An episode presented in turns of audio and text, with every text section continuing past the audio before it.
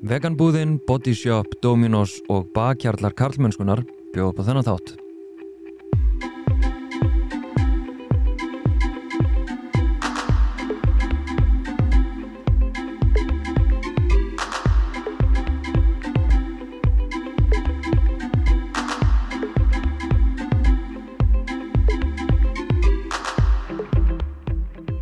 Ég heiti Þorstein Maff Einarsson síðum samfélagsmiðlinn Karlmennskan á Instagram og Facebook og karlmennskan.is þar sem að þú getur fræðst um jákvæða karlmennsku og líka slegist í hóp með bakkjörlum karlmennskunar sem fjármagnar meðal annars þátt eins og þennan.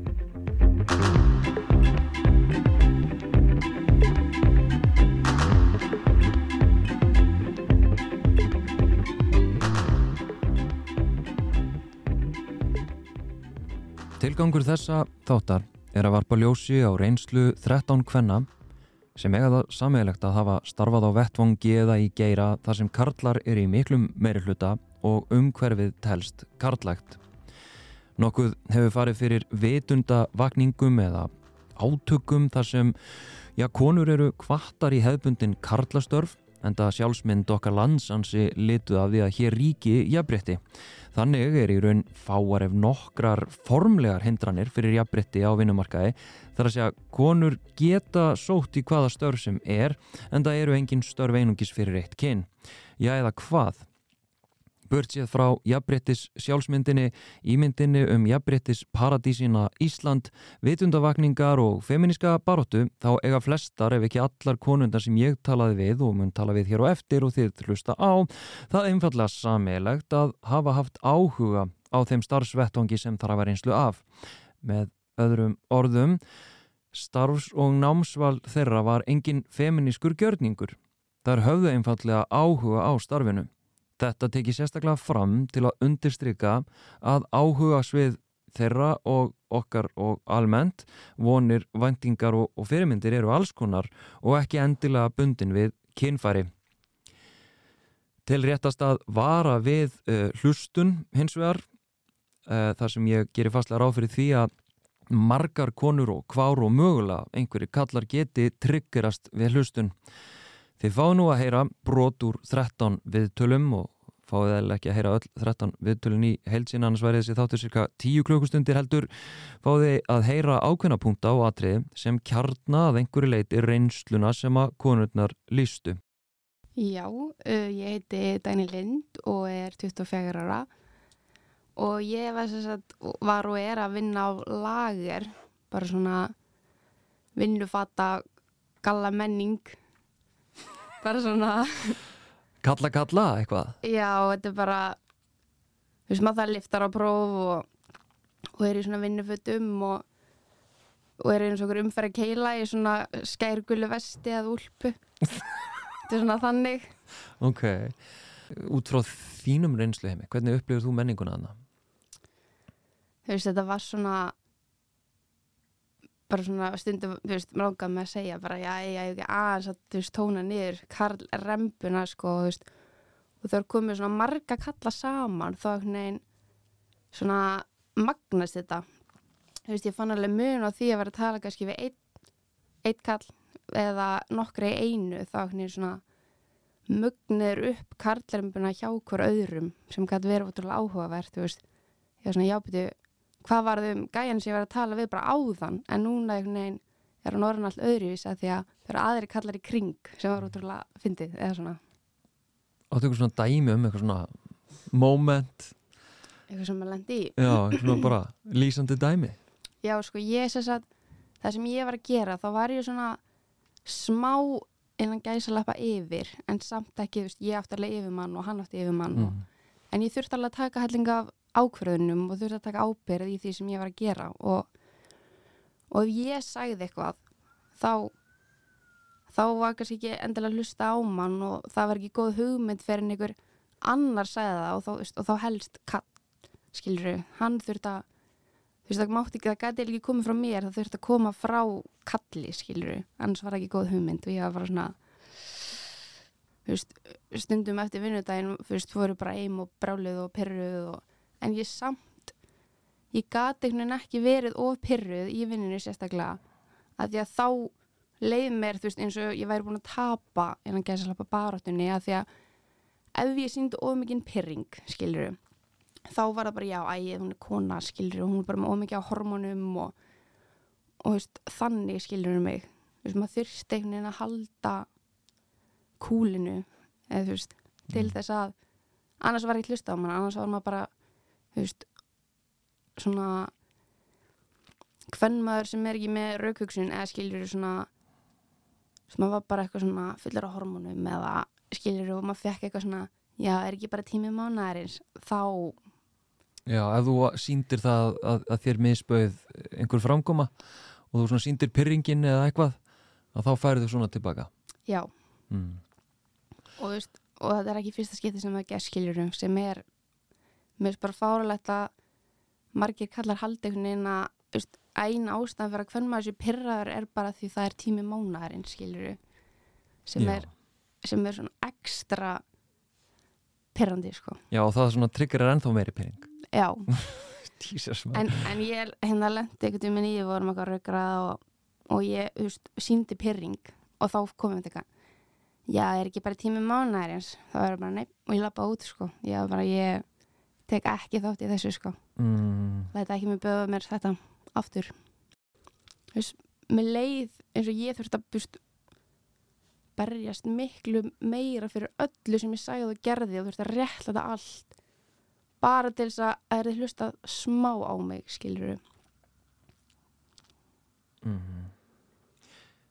En upplifur upplifur að þú hérna, þurfur einhvern veginn að, að sanna það og er heima þarna og megi vera þarna og sérst hæf Já, algjörlega sko ég, þú veist, maður er ekkert svona samþyktur inn í klúbin en, þú veist, eða kalla klúbin eða fatturu eins og þú veist, ég væri er, eins og er það örgulega gert ef ég væri bara sem myndi heita dagur og væri kall, eða Mm, skilur mm. en heiti Dagný og kona skilur mm -hmm. þannig ég var svona þú veist, myndur koma svona fram með mig ef ég væri kall, skilur myndur segja þetta við mig og þú veist, eða myndur þá taka meira mark á mér. Mhm. þannig að það var svona já, það var svona einhvern veginn bardagi sem var mjög erfitt að vinna, sko. Já, ég held til dæmis, eða þess að það myndi heyri þetta sem gera vonandi en örglega ekki að því að já. ég, ég veist að maður hlusta á þetta en hérna ég held að það myndi ekki fatta nei, hún er örglega ekki að tala um mig skilur hún er, hún er kannski að tala um þennan það er svo svolítið leðilegur en, en ekki mig og ég líka, þú veist, það er svona þú veist það var, ná, það var náttúrulega ekki á hverjum einasta degi eitthvað leðilegt skilur en, en það kom vel oftar fyrir en en það hefði þátt að gera og og þú veist, hefur heyrt tala um hérna svona microaggression sem, já. Og þú veist, þetta var svolítið svoleiðis. Og þú veist, af þessum kannski 20-30 mönnum sem voru að vinna hana þá kom kannski bara, þú veist hver á einn með eitt grín. En það sem, þú veist, þeir náttúrulega fatt ekki að ég fæ að heyra þetta svo oft þú veist, og mikið og bara svona já, bakkaður bílniðinum sjálf í stæði í morgun ég var bara, nei, herri, ég fekk hérna pappa minn til að mæta með mér og hann bakkaði bílnum í stæðið og fór svo, skiljuru og ég, þú veist, ég, þetta var til dæmis mjög oft sem ég fekk þetta, þú veist, að ég get ekki bakkað sjálf. Mm. og, og ég líka mætti í vinnuna og, og ég passaði mig svo vel að leggja bílnum bara fullkomlega til Mm. þess að þú veist, ef hún er kvenmar hún kann ekki að gera, skilju mm Til að afsanna þá mýtu að konur kunni ekki að bakka í stæði Já, en ég læði þess og þú ég, þú veist, bara svona alls konar fárlegt sem ég pældi í sem ég veist, ætti hún alltaf auðvitað á maður að leggja vel en, en þú veist það mátti helst ekki vera smá á hlið heldur þetta bara að vera fullkomið skilur mm -hmm. þú veist, ef tveir aðlar sína sömu hegðun og einu munurinn er kyn þeirra, Mm af hverju er þá einn frekar og leðilegur en hinn er bara -hmm. flottur stjórnandi skiluru Mhm. þannig að og ég held líka, já, ég held svona margir áttis ekki á því hvað er, er að gera og segja. En, en samt myndir ekki vilja að það er komið svona fram við konur eða kærustur eða dætur. Einmitt. Og ég tók líka eftir að þú veist, mér fannst oft voru sko eldri kallanir skárri sem var svolítið, sem komur á óvart. Mm. en með grunar smá það hafi verið að því að þeir eiga þú veist, dætur sem voru kannski alveg svona semi, eða svona frekar nálat mér í aldri mm. og þeir hafa, þú veist, þær hafa væntalega örgulega lendi í einhverju sko, bara eins og held ég allar konur lenda í einhver tíman Mm. á efinu Mm. Ég heiti Guðrumargert Gísladóttir. Ég er 29 ára, eða er 30 í ágúst, en ég ætla bara að halda mig við að segja 29 ára eins lengur ég get. uh, ég er sem sagt búin að vinna meira og minna síðan 2014 í bílasölu. Og hver er, hver er svona þín upplöfun á þessum, þessum bransa? Ég myndi segja að hann væri mestmægnis jákvæður en að sjálfsögðu er neikvæði punktar inn á milli sko. Ég myndi kannski segja að aðalega jákvætt er sko það er alltaf mjög margir sem koma og hafa sagt bara vá hvað er gaman að sjá sjá konu í þessu starfi, ég hef aldrei séð konu í þessu starfi.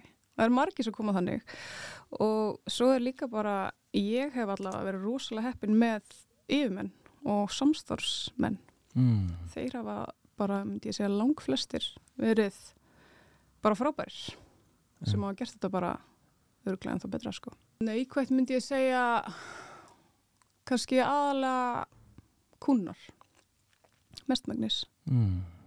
og þetta stöðuga það er ennþá, ennþá dag í dag sko, ennþá nánast hverjum einasta degi þegar ég svar í síman bara, góðan daginn, get ég aðstæða þig? Já, góðan daginn, get ég fengið sambandi sölumann það er alltaf þessi lína sko. Og sama sama hvað hérna hvað, hvað tíminn líður sko. Það er ennþá þessi lína.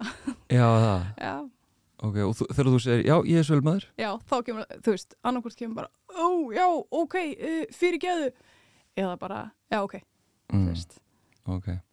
Og hérna, en svona, þú veist, í samskiptum fólk, þú veist, lendur eitthvað svona, já, ef að segja, í einhverju svona, af því að þú ert nú kona, þá náttúrulega getur þú ekki vita neitt um bíla, eitthvað svoleiðis. Já, nei, kannski ekki beint sagt þannig við mig sko, en mér finnst ofta að ég þurfa að sanna mig, þú veist, þegar að koma e, einhverjir, ja, kallar og konur, það eru, þau eru bæði í þessu, að þá er svona, það er svolítið að sanna mitt mál, þau er svona, þú veist, reyna að, að koma með eitthvað, sína, þú veist, kannski aðalega kallar í, í þessu, þessu, þessu máli sko, Já. koma með eitthvað svona, þú veist, og svo bara um leið að þeir heyra að ég veit alveg hvað ég er að tala um og þá, þá hætta þér sko. Já, já. En, en þú þarf fyrst að, að sanna þig. Já, yfirleitt. Er eitthvað svona verið að testa þig? Já, já, þetta er svona eins og test, skilur við. Koma að segja eitthvað svona sniðut, þú veist, eitthvað svona, eitthvað svona bílalingó, sko. Ok. Ég veit, þú líst í og þurfur að svona sanna þig og gangi í gegnum eitthvað svona test. En upplifur aldrei svona, uh, hvað ég segja, svona einhvers konar svona, ef að segja, bara smættun fyrir kyn þitt, svona eins og þú sérst ekki alveg fullkomlega hluti af þessum vinnust að vegna þess að þú ert ekki karl. Já, kannski þá, kannski þá aðalega vegna þess að strákarnir eru að fara að gera eitthvað, skilur við. Það er nú kannski, það er þá ekki vinnutengt, sko. Þú veist, ekki vinnan að fara eitthvað saman. Heldur kannski að því ég, eins og núna, það sem ég er að vinna núna, mikið af bara strákum á mínum aldri, þannig séð. Kannski eitthvað aðeins eldri og líka aðeins yngri. Og þegar þeir eru kannski að fara að gera eitthvað saman, skilur við, á, á mér kannski get endilega búið með, sko. Já, mennar. Þú veist, af því að, af því að, að því ég er bara stelpa, skilur við. Mm. Eða ég held það. Eða kannski er ég bara svona leðileg, ég veit það ekki. það er kannski blanda af báði. En hvað, þú veist, hvernig líður með það? Hvað áhrif hefur það á þig, svona, þú finnur þetta? Það getur alveg leðilegt. Getur alveg verið, sko, þú veist. En ég veit ekki hvort ég er bara svona fastur í því, bara já, við erum bara strákar og, og strákar eru bara saman, eða eitthvað, ég veit það ekki. Það, það hefur aldrei verið þannig á mér. Nei. Ég er um mentaskóla sem að við vorum bara fullt af stelpum og strákum bara. Einmitt. Og meirlutin af mínum vinum eru strákar. Þannig að, þú veist, sumir eru kannski eitthvað fastar í þessu. Mm. og svo er þetta reyndar oft með sko kannski ekkit uh, hrifnir að því að vera eða kannski erfiðar að líka vera að hanga með mér þú veist, eða þeir eiga maka eða svoleiðis það getur, hefur ansi oft komið inn í spilað inn í að hérna að mér er ekkit endilega bóðið eða, eða svoleiðis sko. maður farið langmestu gaggrina frá konum What? eða þær eru svona, þú veist, ég vil bara fá ég vil bara fá alveg gæja hérna til þess að græja bílamálinn fyrir mig, skilur þú veist, hvernig get, af því að þær kannski veit ekki eitthvað um bíla eða bílasölu og þá trúa því ekki að ég geti vitað eitthvað um það, eða önnu kona, skilur Þú veist, oft er það svoleiðis. Eins og ég reyndi marg oft bara að komast inn hjá hérna ákveðnum fyrirtæki í vinnu og það var kona sem var mannestjóri og ég sótt um sko. Og fyrst kemur hún með bara já þú ert ekki menna reynslu. Það var hérna eftir, eftir ég var bara uh, búin að vera hérna út á landi í nokkra manni Já, með mjög litla reynslu. Þú veist ok, fair. Það, ég skil það alveg. Svo sótt ég um aftur þegar ég var hérna búin að fá reynslu annar staðar hjá bílaumbóði og mér langaði bara að færa mig, ég var að vinna hjá, þá hjá því bílaumbóði og mér langaði að færa mig yfir í þetta þessari, það sem þessi kona var ráðin og hérna þá kemur eða þess að þá svarar hún mér ekki, minni að það hafi verið svoleið svarar hún ekki póstur mínum, þú veist, þau voru að auglýsa eftir sölumönum sko. Mm. og hún svarar mér ekkert. Þannig að ég fer bara á staðin ég er svolítið ákveðin sko, þannig að ég fóð bara á staðin bara hæ, stu búin að sjá postið minn? Hún bara, uh, eitthvað, ha, uh, myndalegt mér síðan áður að því ég hafði kíkt á hann áður sko hún bara, nei, hvað hva post eitthvað, þóttist ekki finna hann og eitthvað, ég bara, já, ég sendi hann á því aftur. Og bara, hún bara, já, já, þarna já, mhm, já, heyrðu, við skoðum þetta eitthvað, ég bara, já, heyrðu, flott laglega herfur á þér. Svolítið, heyrðu ykkur á henni. En svo frétti ég að, hérna, bekkjabróðu minn sem ég vissi að hefði fyrirhandi bekkjarróðum minn sko, sinni gamla hann hefði verið ráðin í starfið með sko enga reynslu. Og þarna var ég komið reynslu bæði á bílasölinu út á landi og búin að vera í nokkra mánuði þarna hjá þessu bíláambæði og var ennþá starfandi hjá því að hún ræður hann fram fyrir mig skilur og ég vissi að hann var ekki með neina reynslu þannig að þá stangast svolítið á hvað hún segir hún vil ekki ráða með að því ég er ekki með reynslu Mm. en svo ræður hún neitt sem er ekki með neina reynslu Mm. Ég heiti svo Þórun Anna uh, og ég er 28 ára, verð 29 ára í ágúst. Nei, ágúst, ég ámæli desember. Einu. Nei, og hérna, ég er byggulegski, mentaður byggulegski. Búin að vinna við það síðan 2019, 2018. Ég man það ekki alveg mjög léli með áltöl. Og mánuð líka Já, hvernig var ég ammali? Mamma bara, hvað er að þér? En ég hef ekki verið á nokkrum, þú veist, vestæðum og við búum eitthvað svona og þetta var mismunandi, þú veist, það sem ég er núna er bara mjög næs, en þú veist, ég hef verið á stað það sem er ekki svo kvennaklifi það er bara ekki svo gert ráð fyrir að sjú konur að vinna, þannig skilur bara ever. Og ég bara, já, að, já þú getur hérna klætt inn á klósetti. Ég hann, já, geðið, svo fyrir ykkur að skýta skilur og bara, já, ég er frá að klæða mig núna, hm, næs mm. og þetta var alveg issue á einu vinnustöðum minn, það var alltaf verið að nota búnisklega minn sem já, og ég alveg þannig að hætta að vera að fokkin skýta í klefan mínum eitthvað. Og þeir eitthvað uh, þetta var eitthvað tekið fyrir að fundi bara og ég alveg svolítið leiðilegt þetta er svo mikil útilokun. Og þú veist, á einum staðnum þá þú veist, það er alltaf búið að vera eitthvað veira og eitthvað, þá fekk ég ekki að fara að skoða vinnustæðin og ef ég hefði fengið að skoða vinnustæðin þá hefði ég ekki sagt já við þessar vinnu af því þú veist, þá fyllt það svona hérna að svona bikini dagatölum út um allt og ég bara, vá, næs. Þú veist, á ég núna að fara að vinna hérna sem er bara að vera hlutgera konur í vinnunni. Þú veist, mér er alveg sama að fólk sem er eitthvað svona dagatöl heima á sér í bílskutinu sínum whatever, bara you do you en þú veist, á vinnustaf, mér finnst það svolítið óveðandi og ég var alltaf að strákar hver finnst ykkur flottu stjarna og þeir alveg uh, uh, þetta er ég eitthvað, þetta er bara ógslag aðstæðlegt Og upplifur sko mann að þú þurfur að gefa segja, afslátt á, á þínum viðþórum og gildum til þess að bara segja, vera hluti af? Já, kannski svona aðeins, veist, maður er svolítið, veist, þegar maður er eina stelpan, þá er maður einhvern svona sjálfkrafa svolítið út undan að því strákarnir eru bara svo mikil heild og svo kemur einhver ein stelpa og þá svona, þú veist, það er alltaf eins og það sé gett skrítið að ég er að fá að vera með núna að því ég sé svo öðruvísi stelpa eitthvað svo er ekki nóg með það að ég er eina stelpan þá þú veist heldur, drekki ekki og, ég- og ég er græmvitið þetta þannig ég er, svona, ég er að reyna að vera gett út undan að því það náttúrulega tengir enginn það er allir bara kjöt og grill og hambúrgarar og ég eitthvað, já, er ég ætla að fá eitthvað annað. Ég reyna, þú veist, sumu daga er ég kannski, maður er kannski eitthvað lítill í sér og svona, þá finnst ég mér finnst ég finnst mér ég vera svona pínu út undan og þá svona situr það í mér og þá svona, ó, þú veist væri þetta svona ef ég væri gaur eða væri ég þá bara ekki skrítin gaur? Mm. en ég veit ekki, veist, ég veit ekki hvort þetta sé ég vil meina að þetta sé ekkert persónlegt mér finnst ég vera frekar skemmtileg. Já, en þú veist, maður er einhvern veginn svona ert ekki alveg með?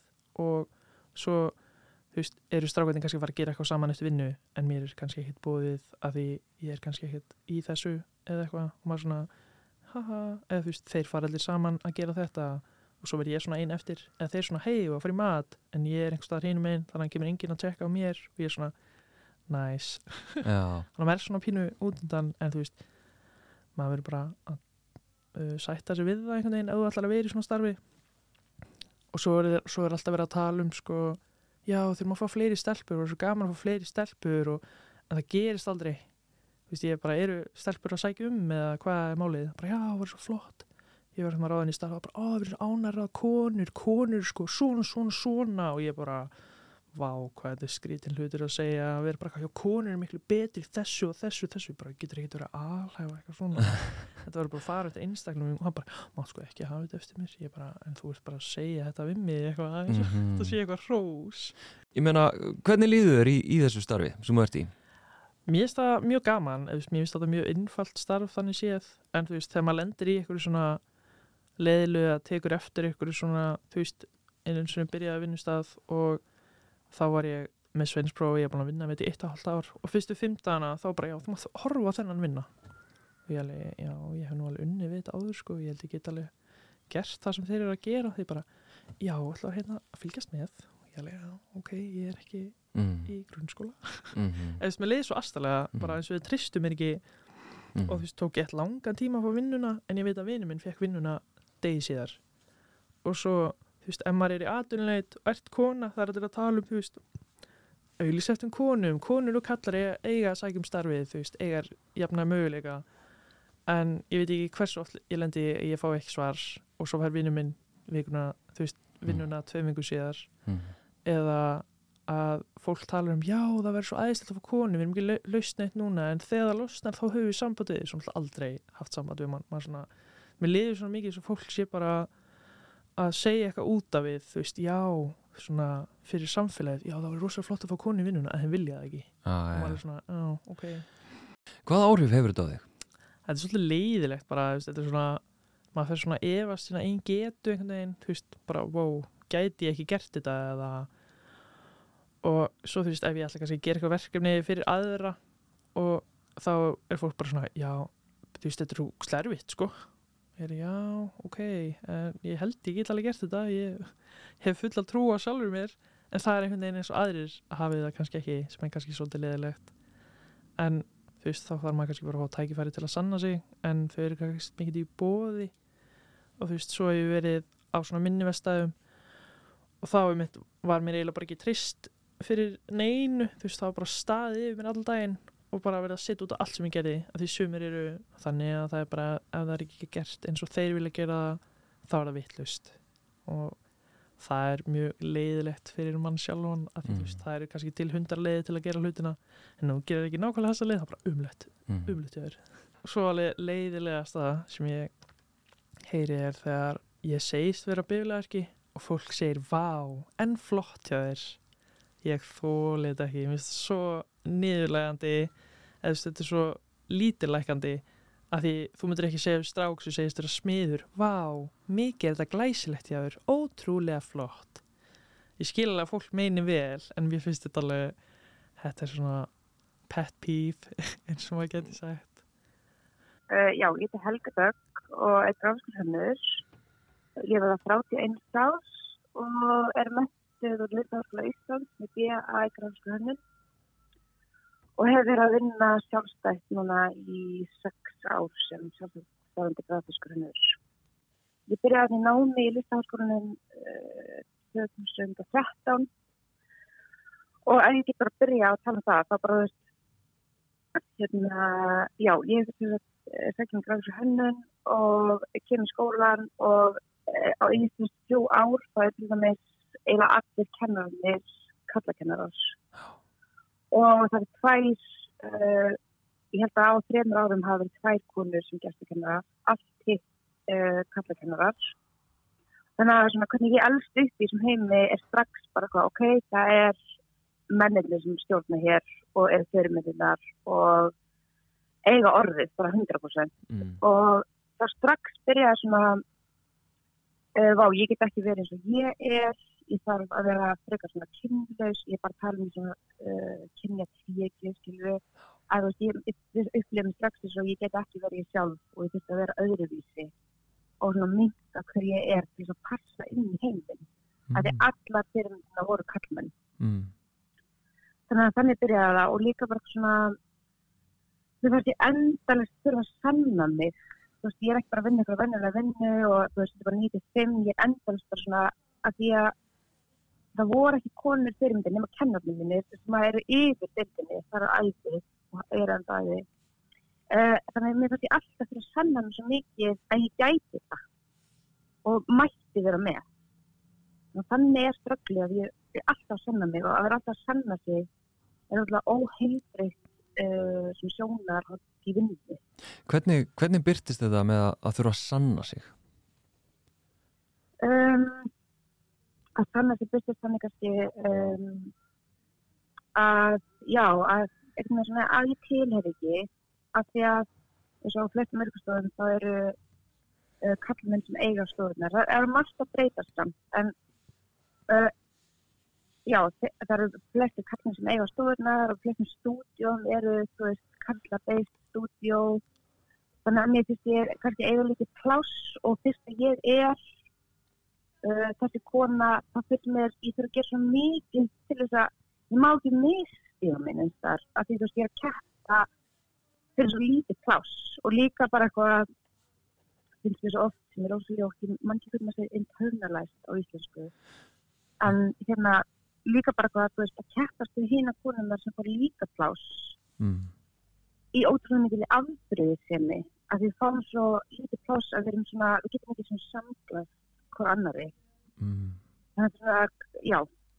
Og maður er alltaf bara, ég ger ekki nóg gott, ég ger ekki nóg gott, ég ger ekki nóg gott. En ég var aldrei, þú veist, á sama stalli.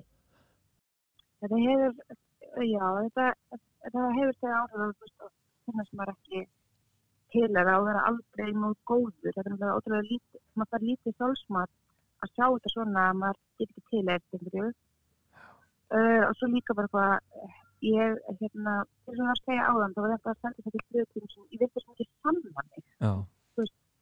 ég hætti að leita þessi því núna uh, en ég hef líka unnið á þessu og þá lóksist ekki að tilhefa því að það var svo mikið bara leit eftir að fá að tilhefa Mm. einhver samfélagi Mm. sem ég fekk ekki þannig að já, það hefði þeir áhrifað mig og já, það, já mjög slæm svona svona sjálfsálit Mm. áhrif. Þetta er svo mikið svona madmen dansi og hefur verið það ótrúlega lengi og það tekur alveg tíma að breyta sér. Það, það orðala á hefðun og hlustin ég að skipt ótrúlega mikið máli. Mhm. En ég meina hvernig hérna að það er alveg margar konur sem að svona einmitt, höfðu samband þegar ég óskaði eftir að fá einsinn í, í reynslu þeirra úr svona karlaðum heimi uh, það eru suma konur sem að uh, sem sagt, höfðu samband vildu tala aðra sem að vildu bara láta mig vita af sinni reynslu en vildu alls ekki koma fram. Þú veist, og í þessum bransa ég meina, hvernig finnst þetta til þess bara að vera að tala við mig um þessa reynslu? Ég er erfitt, sko, að því að um, það er alveg erfitt að þetta er svo óbúðslega lítið heimur en mér er bara farið að vera svona sama einhvern veginn. Að ég hef alltaf verið eldast við eitthvað sem ég held að ég eigi að gera að ég þurfi að passa í sjöfum spór og karðanir skilju Mm. en ég er bara, þú veist, núna líðum bara eins og ég get bara verið ég og eldast við það sem mig langar að gera og ég þurfi ekki að endast að vera eldast við það sem að ég held að ég eigi að gera Mm. en svo hugsaði samt alveg þú veist, ég veit, ég hef alltaf verið með ótrúlega mikla réttlætiskend og sterska skoðanir og það hafa alveg þú veist, vini mínu alveg bara já, þú veist, maður þarf að passa sig, ekki við þetta er svo lítið heimur. En ég get bara ekki, menn, það er ekki í mín kerfi að það sé eitthvað óskætt að gerast og ég mun ekki deila því. Og ef ég mun fá eitthvað tilbaka þá er það bara svo ég vil bara ekki hendur það óskætt Mm. en það er líka kannski eitthvað svona kerfisbundi að veist, það er margt ótrúlega en samt er ekki að að segja það að ég auðvitað er við að missa tækifærið. Mm. Ég heiti Hólmsöðurud Einarsdóttir og er 33 ára og ég er að mestu mentu í dönsku skólakerfi, ég er búin að búa þar halva æfina og háskólaganga mín átti sér líka stað þar og ég er sagt markaðs og samskiptafræðingur. Og við útskrift þá hérna flyt ég til Íslands árið 2016 og hef störf á auglýsingastofu hérna á Íslandi og ég er að vinna þar í tvö ár, sem sagt 2016 til 2018.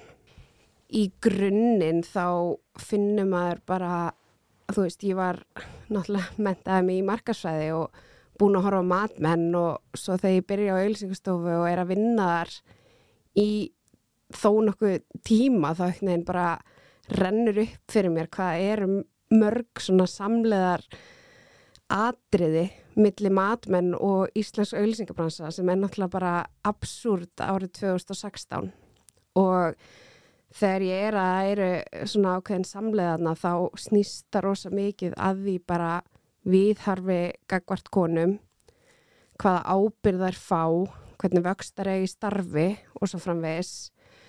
En svo líka bara fyrst og fremst veist, samskipti á fundum og hvernig samskipti eiga sér stað eftir á að higgja er alveg freka brenglað.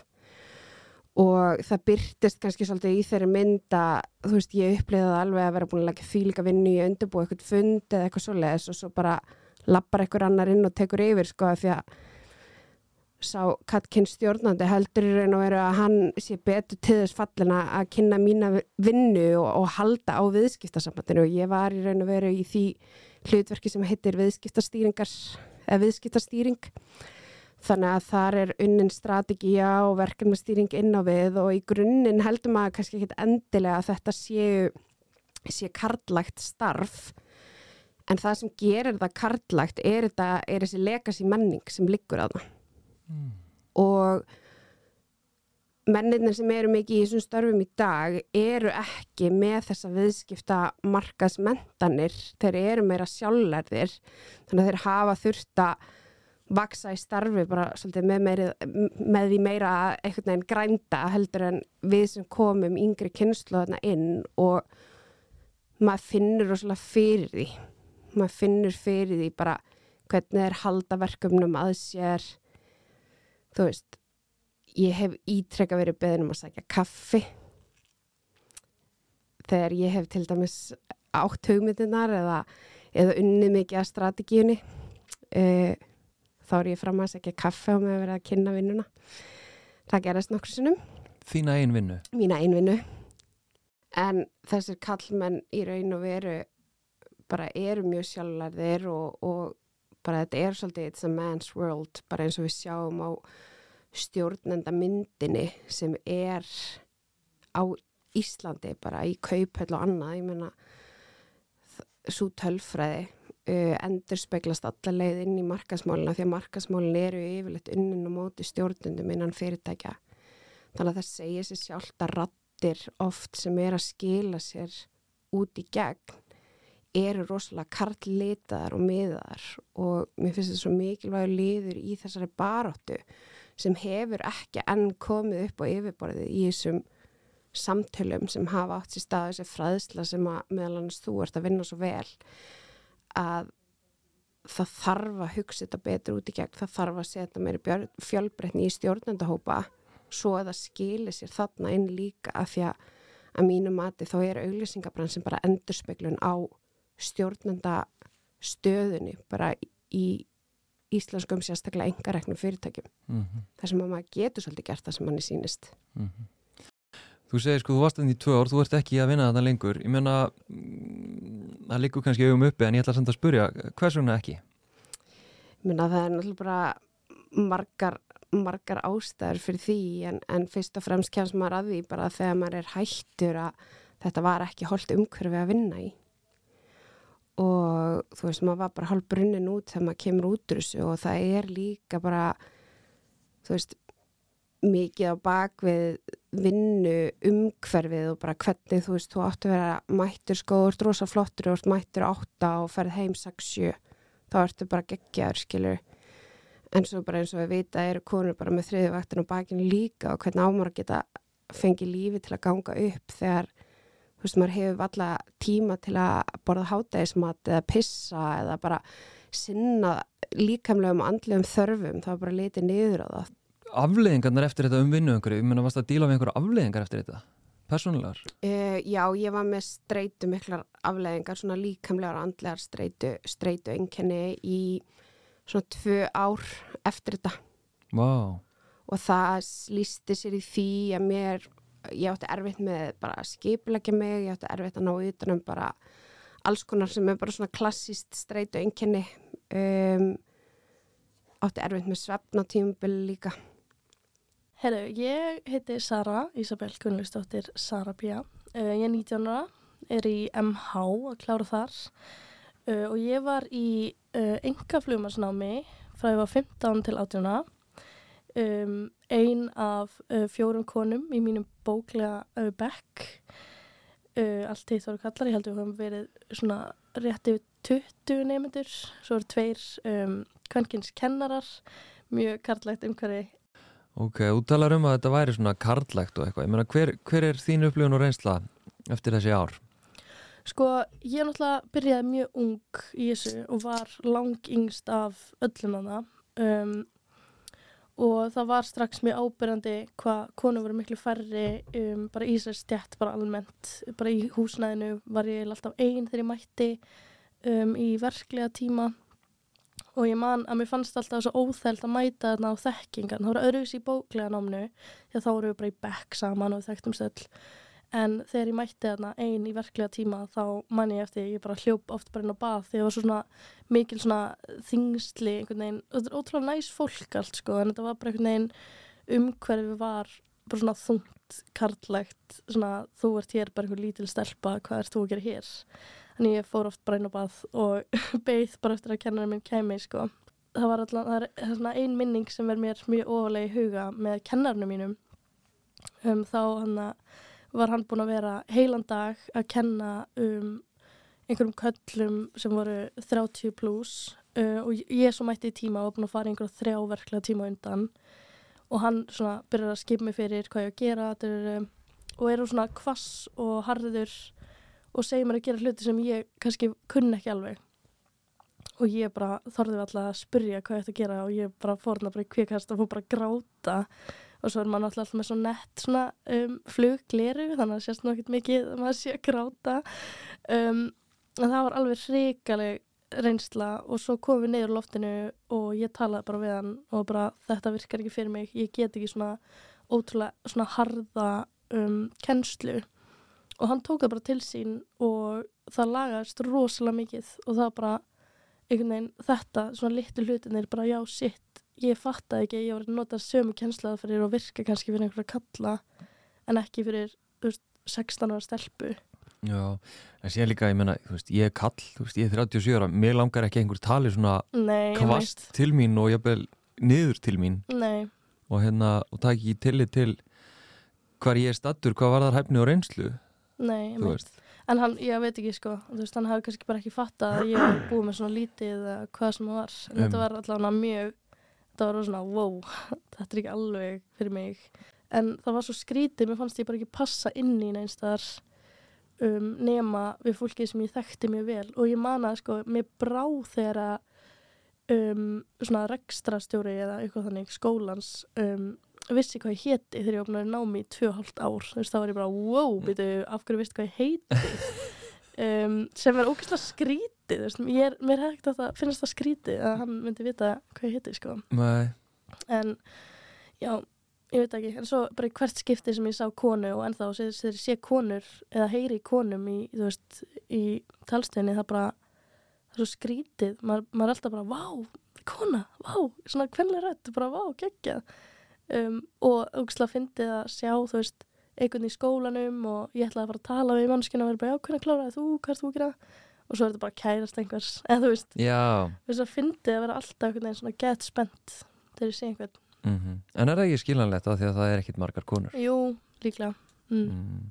En hérna, þú veist, þú veist fara 15 ára inn í þetta umhverfi og einhvern veginn svona þurfaldið kannski, já, eða þurftir þú ekkit að aðlagast í hérna, aðlagast umhverfið að þér eða hvernig er þín upplifun? þú veist, jú, ég þurfti alveg að vera mjög sterk og þurfti alveg að vera með mjög mikla brinju þú veist, það er alveg erfitt að þú veist að bara fara að gráta eitthvað yngstar og þóru svo að það, þú veist. Það var ekkert eitthvað mjög, ég lærði rosa mikið af þessar reynslu að vera bara trú sjálfur mér og, og allt það. Og líka bara að ég hafði mjög mörg samtöl við bara fjölskyldunum mína um bara já ég þarf að spyrja meir um hjálp og ég þarf að þú veist vera einhvern veginn meira svona aktív í að hjálpa sjálfur mér í þessu umhverfi mm. um, og þetta er svo ótrúlega einhvern veginn svona, ég veit ekki, svona hart eða þú veist, Mhm. já Já, heyrðu, ég ætla að taka eitt punkt sem er hérna, framburður og skýrleiki í, hérna, í flugratjóinu. Já, Mér finnst það mjög fyndin punktur sko, því að allir kallar sem að fljúa, eða næstuði allir, tala bara, já, bara hérna og maður það bara reyna sitt allra besta til að skilja. Og svo eru bara lang flesta konur, tala bara ótrúlega skýrt, tala bara alveg jafnrætt og það er bara að skilja ekki af hverju kallinir eru bara að tala svona ofan í sig sko. Ó, góðan dag fyrir því að við ætlum að fara inn á, þú veist, svona, já, svona geðveikt. þetta, þetta er æft sko. Kennarinn minn gerir oft bara svona eða bara skýrt, þá getur bara ráðið. En af hverju, bara í alvörinni, það, ég man einhvern veginn ég var að fljúa frá Spáni eða eitthvað, þá man ég að flugstjórin, hann talaði bara svona skýrst eins og ég er að tala núna. Já, Og ég bara, vá, hvað þetta er skrítið. að því ég var nú, já, góðan daginn, þetta er hérna flugstjórin sem að, hérna, þannig að þú ert basically að segja, þetta er einhver bara menningar arfleif. já, já, algjörlega. þetta er það sko. Ógeðslega fyndið, sko. Það er mjög fyndið. Og ég hef líka alltaf spurt kennarinn minn bara, hvað er, af hverju er það þessi? Já. Það er bara vanur að gera það. Það er bara leti, þú veist, þeir nenni ekki að tala skýrt. Eða nett. Eða nett, já. Geta að tala hratt og skýrt og, Já. og já. Já, líklega nett.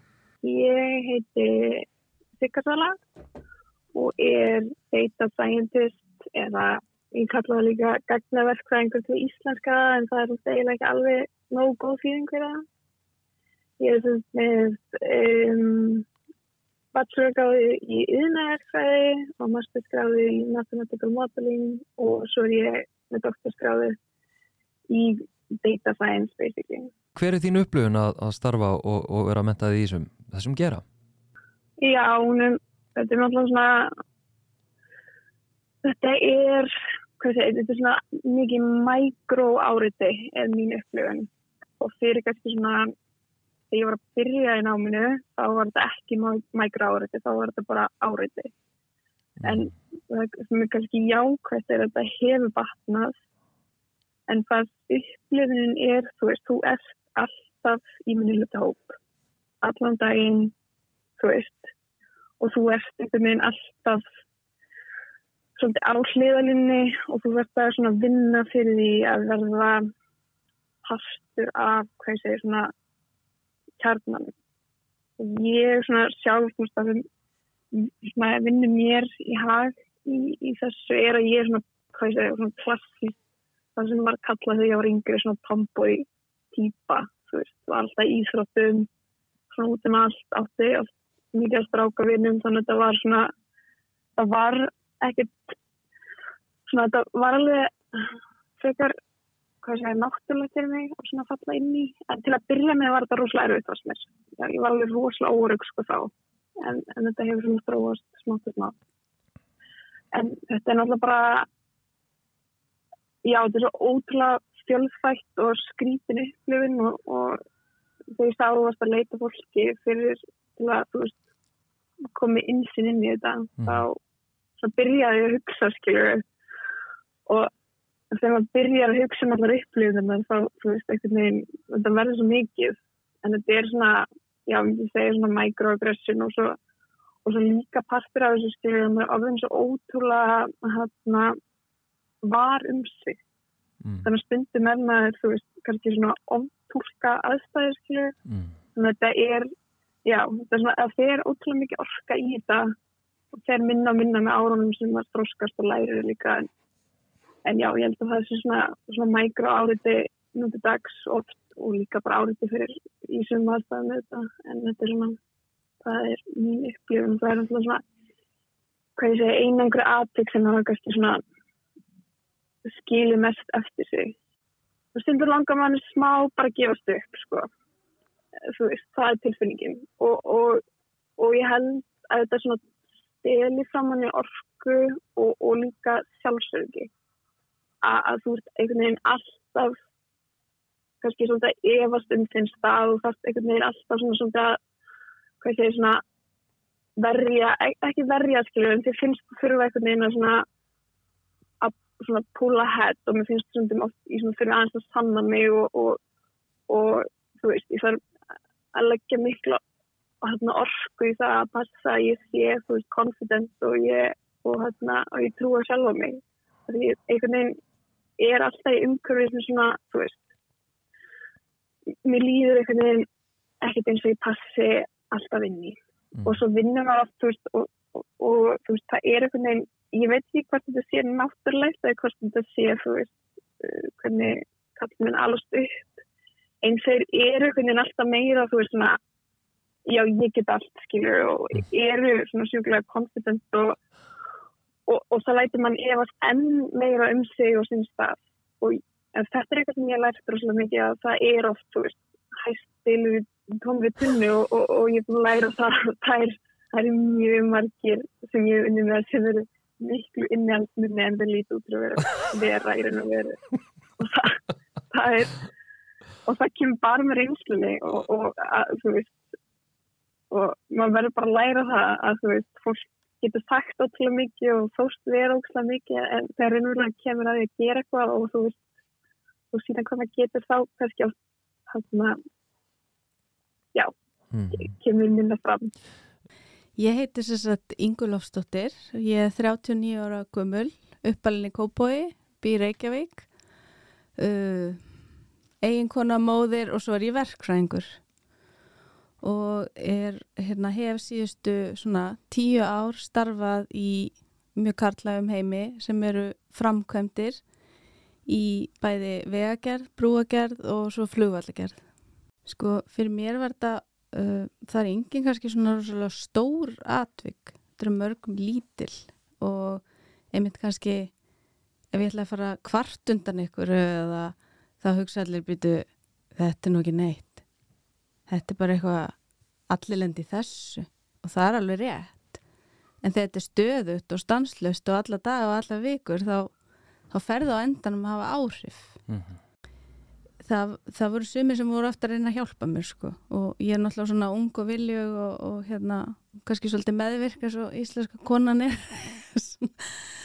Að hérna ég tók þessu öllu bara já, jú, ég get alveg pottit gert betur þarna. Og það var alltaf já einhvern þú veist, þú er bara að vera svolítið meira ákveðin. Og svo ger ég það, já þú varst nú kannski einum of hérna, þú er kannski aðeins að róa þig, þú veist, þetta fór svona og ég var alltaf að reyna einhvern veginn að aðlega mig og og kannski bara er ég ekki nóg góð í aðla ég allan að svona var einhvern veginn eitthvað, eftir einhvern nokkur ári, ég var komin einhvern svona ring og ég uppgötaði ég verði aldrei rétt. Mm. skiptir einhver máli hvað ég geri eða hvað ég segi það veginn, það verður aldrei rétt af því að ég er ekki eins Mm. ég er ekki eins og þeir Mhm. fyrstu dögunum mínum í vinnu þá var bara hver er þú? Hvað hefur þú gert og af hverju ertu hér? Það var Ok. á hverju fundi og þá átti ég einhvern veginn að fara réttlæta það að ég hef verið ráðin ég, ég hafði náttúrulega ekkert með það að gera það var einhver annar sem tók það á ákvörun og hérna og þetta er náttúrulega líka eitthvað sem vinkunum mínar í, í bransanum og hérna sem voru með mér í verkræði hafa líka upplifað að einhvern veginn það fyrir rosalega orka í það einmitt að sanna að þú meir vera vera það sem þú ert. Um, þannig að stund og svona tímabili þá var ég bara, mér langar bara að vinna. Ég nefn ekki að vera að standa í þessu. Mhm. Akkur þarf ég alltaf að vera einhvern veginn að, að sanna mig? Einmitt. og mér fannst það kannski eðlilegt fyrst en svo var ég bara orðin drulli góð í því sem ég var að gera. Og þá fannst mér bara ósangjart að ég þurfti alltaf einhvern veginn uh, óbeint að vera að sanna mig. Einmitt. þannig að já, þannig að kannski ef þú mistigur, allir mistiga sig, allir gera mistök þá er eins og að vera bara svona já, einmitt, ég vissi það. Það er ekkert að hafa þessar konur hérna það er bara mjög eitthvað viss Einmitt. þannig að já, Þannig að þegar þú gerir mistök þá ert í raun að sanna það einmitt. Þú kannt ekki neitt, þú átt ekki heima hérna. já Ég veldi fyrir mér eins og þú ert að reflekta svona tilbaka á, á, á þessa reynslu um, hvaða áhrif hafði þetta á þig og hefur á þig? Mm, þetta hafði mjög slæm áhrif á mig í raun og veru til lengri tíma og hérna ég endaði í raun og veru svolítið á vegg og hérna já, tók mér alveg heilar tvær vikur í, í veikindarlefi Ok, eftir svona mjög vond atvik og hérna uh, ákvað svo að breyta til. Að það væri komin tími. Og hérna en hef svona já, þurft að vinna mig svolítið út úr þessu. Mm. og er svona núna eins að taka smá skurki í sjálfur mér að hérna vinna með þetta. Og bara viðkenna fyrir mér bara hvað áhrif þetta hafið á mig. Og hérna Og hvaða áhrif eru, eru að tala um? þetta var um, þetta, þetta varð svona líkamlegt um, ég hætti ekki að borða og það fannst ekki að mér og svo endaði ég í raun og veru bara um, að fá svona ofsakveða kast í vinnuferð Já, ok. mm Hvernig var það? það var áhugavert það hérna var rosalega ógveikjandi hérna lífsreynsla og hérna ég var með uh, vinnufélaga mínum og vinni sem að hérna, já, bara hjálpaði mér og ótrúlega þakklátt honum fyrir það. Um, en já en það var líka svona um, ljósa peru moment fyrir mér. Ég lærði alveg ótrúlega mikið af þessu og hérna bara hvernig maður var búin að fara einhvern veginn áfram á nefanum Mm. og þetta bara gengur náttúrulega hér til lengri tíma það er ekki Mm. hægt það er bara þannig að já, en svo það maður einhvern veginn svona vinnur þessu í skömmtum sko, þannig að maður komst svona upp úr þessu og held bara áfram og held að þá er allt gott en svo er alltaf einhvern veginn ég tryggarast svo auðveld Já. það má enginn segja neitt eða þú veist, þá er ég alltaf strax bara komin í hérna, einhvern fætubót sko Immi. sem er náttúrulega líka ósangjant hvert öðrum sem eru kannski ekkert að, að hérna, reyna neitt þeir voru svo ánæri að hafa konur Já, já, já, já. og bara flott sko en, en að samaskapi var alltaf einhvern veginn verið að tala um það líka Immitt. einu sinni kom fyrirmenni í heimsókn og ég var búin að taka til á skrifstofunum minni og, og hérna og það voru allir kynntir, þú veist, það var gengi á skrifstofur, þetta er hann, hérna, Jón hérna og hann gerir þetta og hitt og það var að tala upp, sko, ábyrðina sem við komum til syndi og svo var komið að mér og hér höfum við konu. Hana yngunni og það var bara, það var einu gerði í vinnunni var að vera kon og önnur, hérna, vinkunum ég var kynnt sem eina fáum konum og við vorum svona maður svona smá að þessu að þetta er ekki illa megin en, en þú veist bara ég, ég sagði já ég var náttúrulega í buksum það kannski bara tók það þurfti kannski bara eitthvað að skýra það að ég væri kona eða ekki? Vá. þannig að hérna, þetta var svona svolítið skrítið þú veist, þá, það var einhvern veginn já, þú, þú ert að leika eitthvað hlutverk hlutverk konunar á vinnustan. Já. ég fekk líka alls konar svona auka jobb ég átti að sapna ammæliskjöfum uh, ég er mjög lélega að gefa gjafir þetta er ekki mitt uh, sterkast þú veist, maðurinn minn sér meir um svona gjafir heldur ég. Og hérna það var bara veginn ákveða því ég væri kona þá þætti mér það gaman. Mér fannst það ekki gaman. Og svo ef að ég gerði það ekki þá fekk viðkomandi bara einhver gjöf. Mm. þannig að þá var ég líka orðin ábyrg fyrir því að hann fengi ekki gjöf. Það gerðist einu sinni og ég er ennþá bara miður mín að viðkomandi hafi ekki fengið gjöf Eins og það hafi verið þín ábyrð. það var ekki mín ábyrð en, Mm. en hérna ég upplega þannig Einmitt. og ég, sé, ég hef líka séð það á fleiri þú veist, á öðrum vinnustöðum að, að konur fá uh, oft auka verkefni svona með Mm. Heyrðu, ég heiti Anita Þula og ég er 29 ára gömul, uh, er á vestan, um, er í stundan nám í ögnablikinu í velverkjun og rennismiði, er að klára eftir hvað, mánuð og er nemi á renniverkstæði eins og er. Um, hef alltaf verið meiri svona innan gæsalappa strákastelpa ef, að- ef að það er hægt að kalla sko, þannig að maður er komið pínu svona bein í nefið eftir öll árin sko. Ok. Uh, ég kem aðna inn verandi með appisinu hár og, og grammetisæta og ég lapp upp á uh, sagt, upp í matsal og bara hei, hann er ekki bóttið með grammetisvæði og ég fæla bara, ugh, ertu einu af þeim?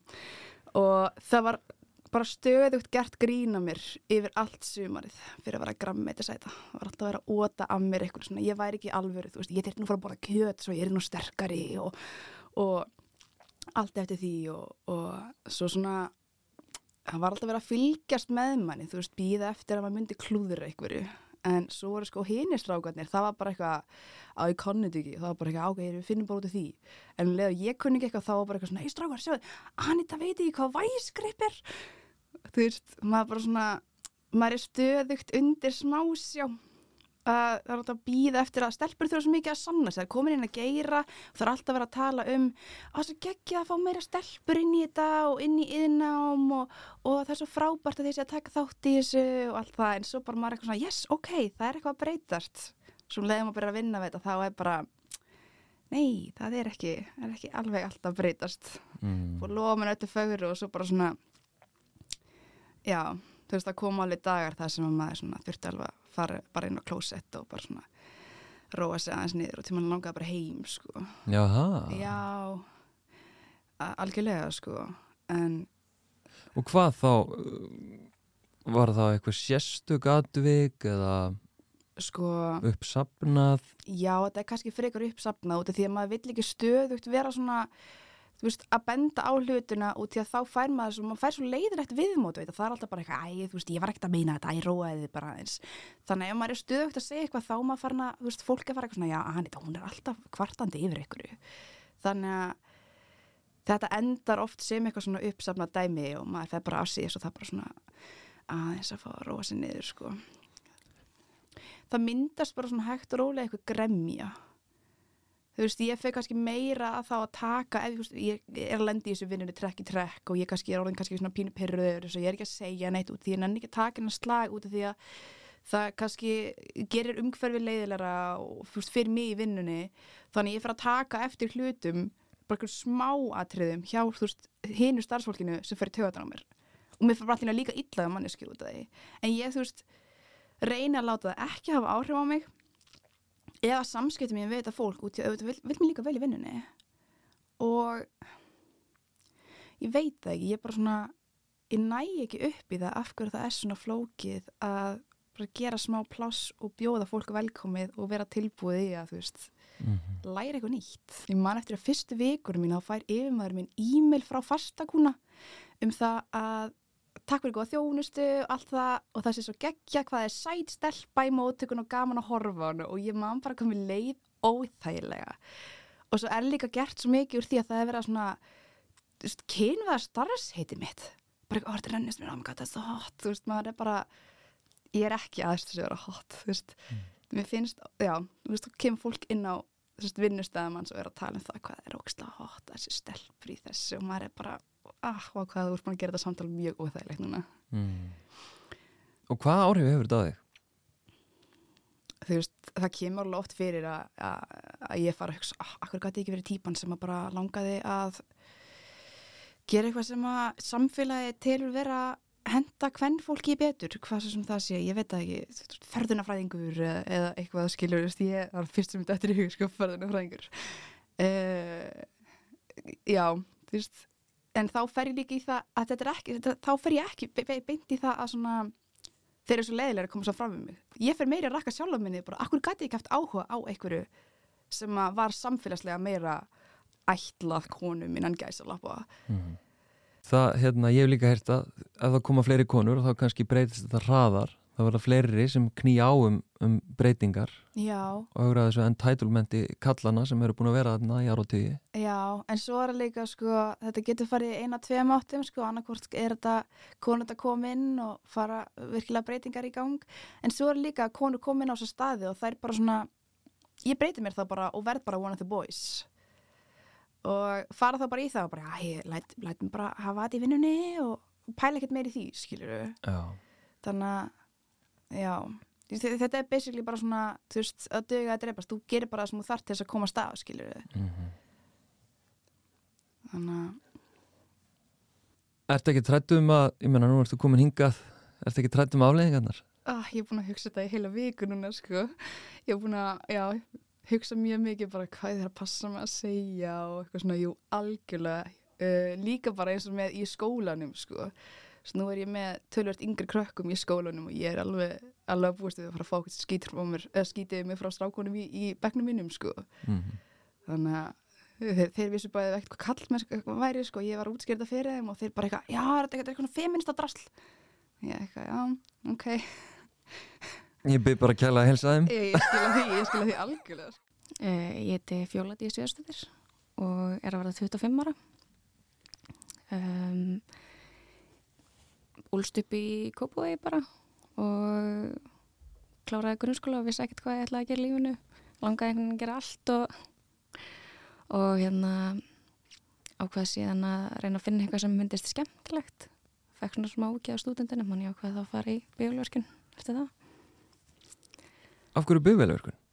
Uh, ég er svolítið alveg upp í bílageranum, pappi minn og bróðum minn er báðið velverkjar og bróðum minn hefur verið að keppa í ýmsum bílagreinum Mm. pappi er mikið djeppkall þannig að ég er svona ólst mikið upp í kringu bíla Einmitt. Starfar við þetta eða starfar við bifvelverkinu eða? ég er unni kláraði bara nemasamningin og kláraði þá svensprófið gælfræði því og hætti síðan Mm. að vinna þetta Var einhver ástæða fyrir því? Um, ég er svona kannski komið leið af þessum verkstæðiskultúr og síðan var líka komið með síðan að skeiðbólgu. Það var svona kannski þetta tvent sem að fekk mig til þess að hætta í þessu. Þegar ég var á nemasamning og var að sækja umvinnur þá sótt ég um að fullt, fullt af verkstæðum. Fekk engin svör eða já, við erum búin að ráða eða eða hérna, ég kannski sótt um og svo fór og svo fekk ég neitun að væri búið að ráða í starfi og svo fekk vinnu minn viðtal nokkur tíma setna hann Mm. fekk síðan vinna Mm. Og ég hef mitt fengið að hérna uh, að geti ekki verið tvær stelpur á verkstæði það Mm. er núna stelpa sko, við getum geft tvær að þær spjalla svo mikið saman Uh, já, einmitt, þannig að það er bara eitt pláss í bóði fyrir Já. stelpu. já, Mm. þær spjalla svo mikið saman sko það myndi ekkert afkasta neitt tvær Og var það fenginni reynslu eða bara svona einhver hugmyndir sem menn höfðu? ég held að sé bara einhverju hugmyndir sko Já. en hérna, veist, svo þegar ég komin inn á verkstæði, veist, þá var það svo sem alltaf leiði sko Mm. en ég veist, ég veit alveg að stelpum finnst mjög erfitt að fá vinnur sérstaklega sem neymar á verkstæðum Já, einmitt. Og hérna, ég meina, ertu með einhvern svona dæmi um, þú veist, þessa reynslu? Ég meina, er, myndur þú segja að reynslaðin af þessu væri jákvæð, neikvæð, bæði? eh, mér finnst þetta að vera svolítið svona veist, tveir pólar svolítið, annarkvort ertu bara með bara svona, æ, við getum ekki verið með stelpu eða bara, vá, stelpa, vá, geggja að vera með stelpu í byggjulverkin Mm. og þú veist, þess að ég fór að vinna á litlu verkstæði og hérna þá er mitt uh, komu kunnar og voru bara vá, bara vá stelpa geggja að sjá stelpu í bílverkjun og þannig. Og þá fekk ég miklu meira svona jákvætt en kannski svo var þetta komið út í svona aðeins of mikið jákvætt Hvernig þá? uh, veist, eins og hérna ég held ég var múin að vinna á svo litla verkstæði sko í svona mánuð þegar kemur hérna uh, kall frá öðru verkstæður að spjalla við þessi stiðmann minn, við vorum bara tvö að vinna á verkstæðinu. Og hann segir við hann bara ákvæður með sæta stelpu í vinnu? Ég var alveg til að vera með svona sæta stelpu í vinnu á verkstæðinu á mér. Og ég bara oh. veistu, maður var bara hvað ég að segja við þessu, maður bara, nei, ég heyrði þetta ekki ég heyrði þetta ekki. Hvað áhrif hefur svona á þig? Uh, ég verð mjög reið. Og ég, þú veist, ég segi ekkert við þessu að ég er bara svona, hvað ég segja ef einhverja kalla? Á ég ekki að fara að æsa mig, skilur Mm. eða á ég að hunsa þetta, maður svona veit eiginlega ekki hvernig maður á að bregðast við þessu. Nei. ég veist, ég fæ ekki oft að eldri kallar á að koma og bara, já, þú ert svo sæt og, og eitthvað, ég er bara eitthvað sveitt eitthvað að gera við einhvern bíl bara fullu, bara, já, þú ert svo sæt maður er bara eitthvað, ég er ekkert að reyna að vera eitthvað, veist Mm. Einmitt. Svona, já, uh, var mikið talað svona um, um strákana?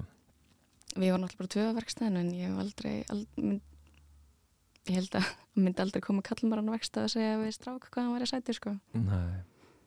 Síðan einhvern veginn fannst mér þessi kultur svona með pínu snúastu við sko þegar ég fyrir að vinna í öðru umbúð fyrir að vinna í þjónustu þjónustuna svar í síman Já, þá er mitt svona uppliðið svona öðruvísi eins og hérna það var svo vel tekið mótið mér á verkstæðinu bara vá, stelpa, bara geggjað.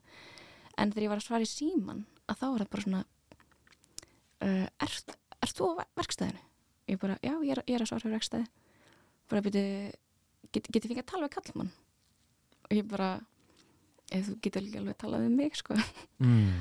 og veist, það var svona mikið svona ef að kona svarar í síman fyrir verkstæði þá er það bara svona, ert ekki bara eitthvað móttökudama veist þú eitthvað Mm -hmm. og það var oft svona þú veist, ég var svo eina sem var mentuð eitthvað bílatengt í þessari þjónustu Mm -hmm. en það var samt alltaf bara svona getum við ekki að tala við kallmann, getum við ekki að tala við einhvern sem veit eitthvað Mm -hmm. og það var svona einmitt sko mikið af konum sem töluðu svona og þú veist kallar líka. Og veginn svona þegar ég skoða tilbaka þá fannst mér aðalega svona ungir kallmenn sem tóku besta mótum manni sko. Já, já. og sögðu kannski bara svona, já, getum við tala verkstæði ég bara, já, þú ert að tala, veist, við verkstæði bara, já, ok, geggjað, bara, já, ok er ég er, já. en, þú veist, kannski konur og, hérna, menn voru bara svona uh, ég, er, ég er ekki alveg að kaupa þetta, sko. Hérna get, getum við ekki að tala um eitthvað sem veit eitthvað? Og hvernig sko er það? Ég menna að ég regna með að þetta hafi ekki bara verið eitt atvik og þú svona, æ, Nei, þú veist það, oft, sko. oft. Og ég menna að fá þetta bara jafnvel oft á dag, í marga Mhm. dag í röð, í marga vikur jafnvel. Hvernig Fyr, fyrst var ég alveg bara með nefan bara, herðu, þú talar bara við mig. Hérna, ég veit fullt. Þú veist, láttu bara að reyna. Við getum kannski bara fundið einhverja löst saman í þessu en veist, svo bara svona til lokin var ég bara, veist, ég hérna sko sko búin að vera hérna í ár, þá var ég bara, veist, ég get ekki get ekki þess að slægi lengur. Þú veist, alltaf að tala eitthvað fólk að bara getið fengið að tala við kallmann það er bara, já, já, ég skal bara senda á næsta kallmann að því maður bara svona veist, ég nenni heldur ekki að tala við fólk sem nenni ekki að tala við mig. Nei. Einmitt. Ég, sko, þú veist, þess að ég var að vinna á þessu verkstæði þá fekk ég samt aldrei, sko, eitthvað að ég gæti ekki, þú veist, það var bara ég fekk alveg svona, þú veist, stúrsklár og og hérna getur þetta allt saman, veist, og ég gerði bara allt mm. en það var meira þetta, veist, útlýðslega Mm. veist, ég er svona já, ég hef trúið á því að sko, að þessi komið þetta að konur geti þetta en ég var opaslega þreytt á svona útlýðslegum aðtúasendum Þetta er þetta eitt í hug sem var svona kannski hérna það er svona ógeðið feldasta sem ég kannski fengi var svona þegar ég var að vinna á þessu lilla verkstæði og kemur kall og er bara svona já, hérna, ég segja það reitt og ég eitthvað hvað? Sko konur, það er eiga bara að vera bundna við rúmið. Og með það langan spotta að það geti farið inn í eld og svo eldað. Og svo ætti ég að fara hérna að gera í bílinn og setja það. Mm. var bara og hvernig bara í þessum aðstæðum hvernig, Ég, þú veist, ég segi það lítið, ég er bara svona ah, ok. Og svo einhvern veginn lappa ég yfirleitt bara í burtu sko. Að ég nenni ekki að taka þátt í þessu sko. Og fegstu aldrei, ó, hvað, hefur engan húmor? Ég, þú veist, ég man svo sem ekki eftir því sko en, en öruglega eitthvað en þú veist, ég bara læti þess að ég heyri þetta ekki sko. Já, ég nenni ekki að næra þetta sko. Maður nefnitt Ég heiti Helga Rós Arnarsdóttir, uh, ólst upp í Hafnafyrði á stelpu heimili. Pappi var eini kallinn, hún finnst það ennþann dag í dag mjög erfitt. En hérna, ég lít mikið upp til pappi minns og hef mikið verið í kringum hann og hans vinnu. Og hann er yðnamaður og ég endaði síðan á að vinna sjálf.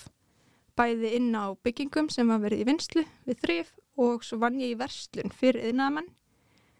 Uh, tvö sumir röð þegar ég var í mentaskóla. Ég var í Kvennó þannig það er svona tók ég aðeins inn svona jafnbreyttisbaráttu og svoleiðis liti og fór að fylgjast með karlmennskunni í kjálfarið ok, og eftir mentaskóla flutti ég til Danmörkur í hálft ár kom svo heim og ég er að læra atvinnuflugið.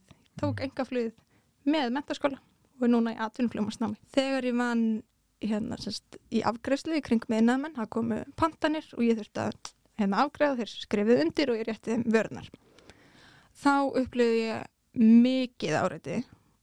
Uh, einu sinni stóð maður og eitthvað að koma og raskjalla mann og mér brá alveg ríkilega og snýri mig við og þá var þetta eitthvað maður sem ég aldrei séð áður. Og, en hann hætti við á síðustu stundu og var eitthvað, heyrði nei, þetta má ekki í dag út af me too. Og ég stóð bara með hjartaði buksun og bara uh, þetta mátti aldrei. Þú veist, þetta var bara annarkveð dagur hjá manni. Já, það. Já, ég var, ef ég mætti fínt klætt, þá var spurt fyrir hvernig ég var að klæða mig svona. Og þá var að tala um bara leggings og kjól. Stundum var ég í hælaskóm, stundum ekki. Og hérna svo var svona fastagestir og þeir tók eftir ef maður var kannski málaður eða ómálaður, þá var spurt hvernig maður var að hitta í kvöld, hvað var að gerast. En þannig að maður læriði svolítið líka að standa á því að segja bara ég er bara að klæða mig fyrir mig, mér finnst gaman að vera í kjólum, mér finnst ég vera sætt svona. En maður hefði það kannski gert alltaf í sér. Mm. en þetta voru tvö sumur þar sem ég vann hana og setna sumur það var maður og vanur Mm. en fyrra sumari tók smá tíma að vennjast í Mm.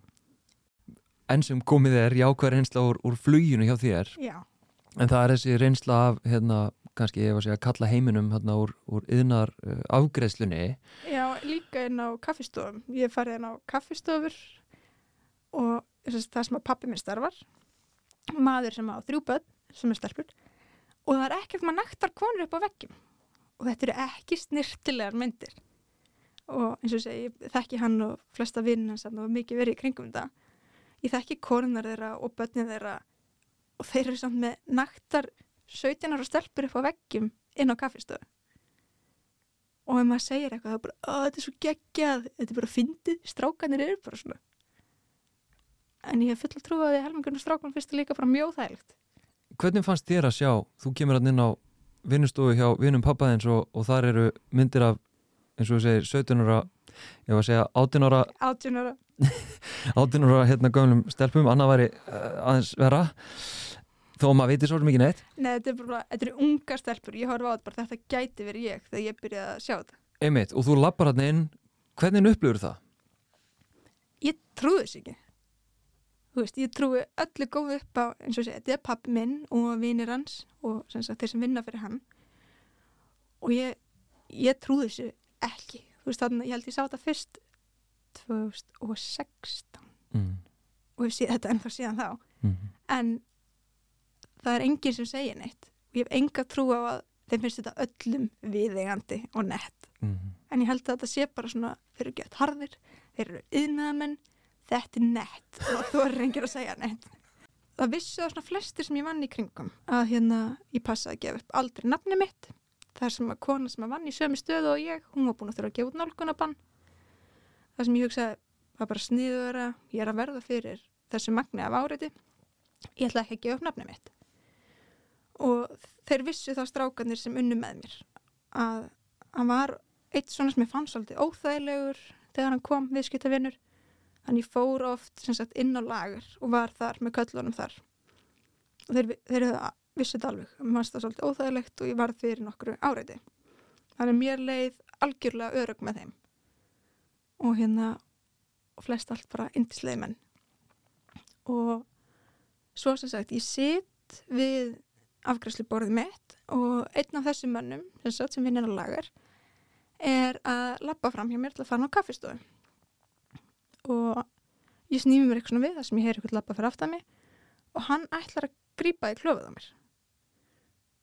Og það segja allir, maður frýs og ég hef alltaf hugsað, maður frýs ekkert maður segir eitthvað. Algjörlega frös ég sagði ekki neitt fyrir en hann var svona þú veist, tveim sentimetrum frá því að halda bara just, í píkun á mér að þá hættir hann. Nei, ég má þetta ekki. Þá fattir hann og hérna og að því að eins og ég segi, maður var fyrir mjög miklu áriði og svona að ég fattaði ekki alveg strax hvað var að gerast. En sem betur fyrr þá var hérna það voru starfsmanna við til sama dag. Og minn yfirmaður kalla minn og þetta á bara að vera er eitthvað sem mætti fara betur í fyrirtækinu? Hvernig upplifið þú? Kalla minn í viðtal og ég minnist á að hérna að væri svolítið mikið álag á mér í vinnunni. Þú veist, ég er að afgreða pantanir uh, ég var farin að sjá um eldúsið líka. Og veist, að þrýfa undirbúa matinn, ganga frá, senda matinn tilbaka. Ásamt því að hérna halda svolítið svona reynu í kringum sölumenn. Veist, frá þeirra rösli og undir lokin á viðtalinu segir hann já, er eitthvað sem hérna þú vilt bæta við? Og ég hugsa, já, verða að minnast á þetta er ekki, þetta á ekki að vera svona. Og ég segi, það er þessi maður sem að koma og ætla að grípa í kennfærna mér. Og minn yfir maður segir já, á nú ekki að vera þannig. Og ég hugsaði, shit. Hann skilur ekki að mig liði rillifis hann heldur þessi auðming og ég byrja bara að hágráta bara, hérna mér brá svo mikið, vissi ekki hvað ég ætti að gera. Ég var fegin að, þú veist, hann fór ekki lengra en líka þetta var svo mikið nýðurlæng þetta var fyrir, allt, fyrir framann allt starfsfólkið og eins fyrir framann viðskiptavinni en eins og segja það var að koma kaffi en það voru fáir en það var fólk sem sá þetta. Og mér leiði mjög illa að hann upplýði sig að hafa þessi réttindi á að grýpa í mig hver sem er eins og hann ætti minn líka maður Mm -hmm. og hérna og ég er farin að hágráta þessu viðtali með mannin mínum og hann eitthvað svona já en hérna nú fer það nú samt að batna með álægið konunnar úr bókaldinu er að koma úr sumafrí Mm. og ég bara ha, já, með eldhúsið? Svo sért nú ekki eina þrýfa Mm. eða fyrirtækir fullt á köllum sem eru að gera einstaklega lítið við daginn þar sem að var svona, bara lítið að gera út allir í sumafrí Mm. þeim gæti ekki dottið í hug að hjálpa til að ganga frá diskunum sín en konunar í bókaldinu sem eru í fullri vinnu hérna voru sem betur fer að koma úr sumafrí svo þær gæti vaskað upp eftir sölum Mm. og hérna og ég á endan nænu að jafna mig niður og hann spyr hvort að hann megi fara með þetta til forstjórans sem ég þekki ágætlega. Mm. og ég bara, hæ, hann ætlar að gera eitthvað í þessu? Því að hann eiginlega bara svona smelti sér frá sér Já, já, og bara svona þetta batnar, hætti nú að gráta. Já. og hérna. Og ég bara allt í læ og byður einnig um leifi til að skoða örgismyndaðalar og Mm. ég hugsa, ok, verður nú eitthvað gert á í þessu? Og lappaði út samt mjög órug bara, ah, ég hefði ekki að segja þetta og ég var svolítið svona stressið með vinnuna mína. Einmitt. hvort ég verður að halda vinninu út sömarið og ég fyrir nú bað og jafna mig. Svo setna um daginn kalla forstjórn í mig. Ég hugsaði allan tíminn þurfti að lappa upp smá stiga og smá gang. Nú missi ég vinna nú missi ég vinna og hérna og ég sest inn á skrifstofu hjá hann með svona valda mikill maður flotta skrifstofu og minn yfirmaður er hana með og eins svolítið svona skeptískur að horfa á mig og ég bara guð. Og þeir segja að við hefum skoðað örgismyndaðalar og ég hugsa, þetta sést ekki örgismyndaðalar þetta sést ekki, þeir trúa mér ekki. Sem betur fyrr segir við sáum nákvæmlega hvað gerðist. Þetta var algjörlega brot á reglum okkar fyrirtækisins og bara í þjóðfélaginu. Þessi maður verður reygin mér leið eins og eitri blokk hefur tekið að mér, ég var svo stressuð Mm. að ég fer í starfsmatið hann í morgunin og þetta viðtal með fórstjóranum hann að setjum part dags. Mm. ég sagði allan tíma, hann er ekki búin að segja neitt. Það er ekki búið að koma neitt til mín. Þeir eru mjög ósáttir með mig. Mm. og forstjórin tók þessu svo ótrúlega vel. Hann bara á tissjúpakka og hérna og þykir fóð leðilegt að þetta skildi koma fyrir og hérna ef hann hefur samband við þið aftur á eitthvað nátt þá förum við í mál við mannin og við borgum lögfræðikostnað Ok, vá. það var, var svakalegt og mér leið svo miklu betur Mm. og hann, ég maður eftir einu sem hann sagði hann sagði, ég hef ekki sem betur fyrr mikla reynslu af svona málum Mm. en ég hef að gera allt sem ég get til að þetta, þú veist, vinna rétt úr þessu Mm. hann, eh, undir lokin kom þetta voða vel út en ég, man, ég greti heila viku heima hjá mér mætti ekki vinna eftir þetta. Já, já. þetta var, svo, þetta var svo mikið niðurlæging og eftir allt svona áriði sem maður hefði upplifað inn á þessu vinnustaf þetta var fólki þar sem ég var örug sem átti að bera við þessa virðingu fyrir mér sem voru samstarfsfélagar Mm. og upplifa svo svo var ekki. Það var svona, maður var mjög óörugur í starfinu sínu. Það var líka á baku mitt afgræsluborð þar sem að ég ræð þar sem ég á ekki að þurfa að eiga við erfiða viðskiptavinni en sem betur fyrir að mynda vel beint fyrir ofan afgræsluborðið mitt sem náði þessu alveg og maðurinn var eigin Vá, en ég meina sko, nú er ég bara ímyndað mér að veist, hvernig til dæmis tóku vinnufélagar hans og þínir því að hann er í rekin ég, svona, ég veit það ekki alveg að því að ég mætti ekki vinnu. Ég held, ég fór heim í tvota, kom í halvan dag og fór aftur, að ég Ok. bara ég meikaði þetta, Nei. ég var Fór hann semst ekki samstundis, var hann ekki rekin samstundis? Þurfti hann að vinna uppsagnarfrest?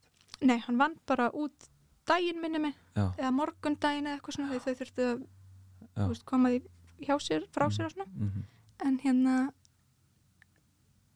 en ég maður líka bara þegar ég mætti hann halva dag í vinnu ég var algjörlega kakslus ég var bara hann klósiti grátandi ég var bara stressuð yfir allir sem ég myndi hérna hitta mhm, og hvað ég myndi að eiga við. En svo man ég líka þegar ég fer á fundin með forstjóranum og það vera tilkynna mér að maðurinn er í rekin og þessu er því uh, unnið úr að þá sagði hann hérna þetta er náttúrulega ekki stefna fyrirtækisins og við viljum alls ekki að það sé hegða sér svona innan okkar vekja